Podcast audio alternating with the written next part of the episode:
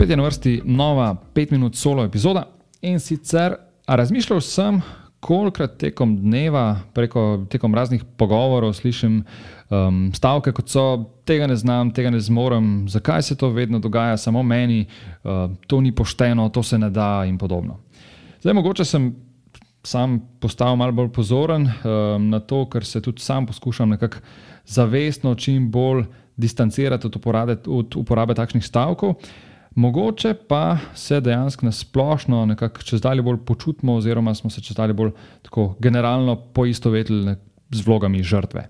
Um, zdaj, mogoče za to kriva tudi trenutna situacija, ko se še vedno soočamo s COVID-19 ukrepi in nas v bistvu iz dneva iz dneva v dan, oziroma iz tedna v teden, iz meseca v mesec, iz leta v leto, konec koncev, že um, nekako spremlja to, da se počutimo v bistvu nekako manj močne, manj samozavestne, konec koncev manj pogumne, skratka, nekako bolj odvisne in bolj podre, podrejene.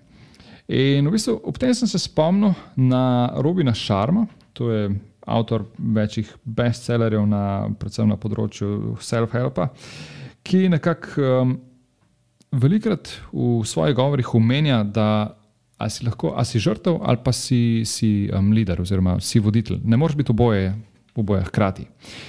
In potem sem šel v bistvu malo brskati po njegovih vsebinah na YouTubu in po njegovi spletni strani in sem pač iskal, kako on definira um, žrtev in kako definira um, liderja.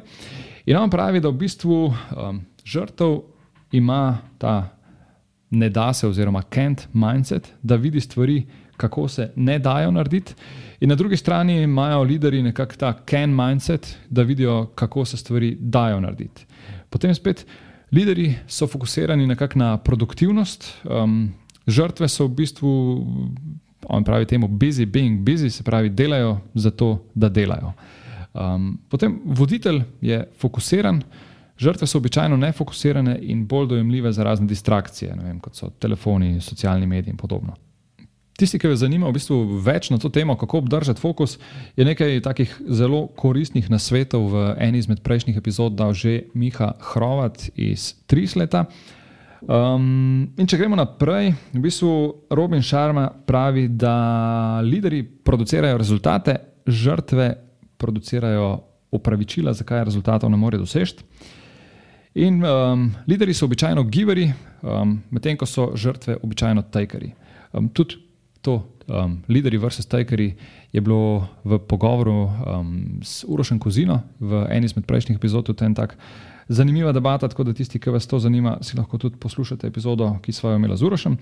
Um, ja, in v bistvu na tem mestu on pravi, da lideri običajno radi dodajo vrednost k nečemu, medtem ko žrtve bi z minimalnim vložkom želele čim več um, dobiti nazaj.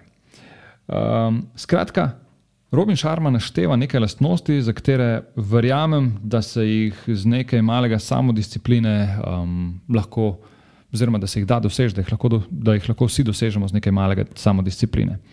In pa, kot sem že večkrat samo omenil, da to, kar mislimo sami o sebi, oziroma to, kar govorimo sami o sebi, um, to nas tudi konec koncev definira. In če konstantno mislimo, da se nam vem, dogajajo same slabe stvari in da ni v naši moči, da bi lahko karkoli um, naredili za to, da bi lahko karkoli popravili, potem dejansko um, bomo rekli, da je to res tako in da je to naše življenje. In če smo v tem še nekako pretirano dovzetni za neke črne kronike, trače, um, negativne objave na socialnih medijih, um, pa razne teorije zarote. Potem smo se res ujeli v neko veliko spiralo navzdol in to je nekako kar daleč od obetavnega. Skratka, biti v vlogi žrtve, oziroma beseda žrtev v tem kontekstu, mogoče res nekoliko pregroba, ampak vseeno, biti v tej vlogi ni nespremenljiva zadeva, oziroma mislim, da je to izbira.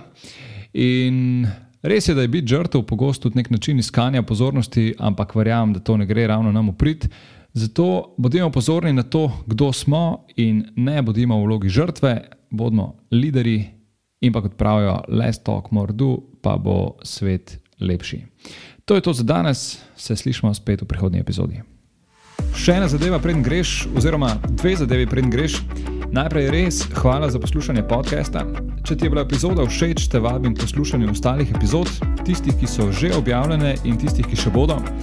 Hkrati pa te prosim, da na svoji podcast platformi podaš oceno oziroma pustiš komentar ali pa mogoče še več, da deliš podcast s svojimi prijatelji oziroma osebami, za katere meniš, da bi jih utegnil zanimati. In mi tako pomagaš pri širjenju prepoznavnosti podcasta. Še enkrat hvala in se slišimo v prihodnji epizodi.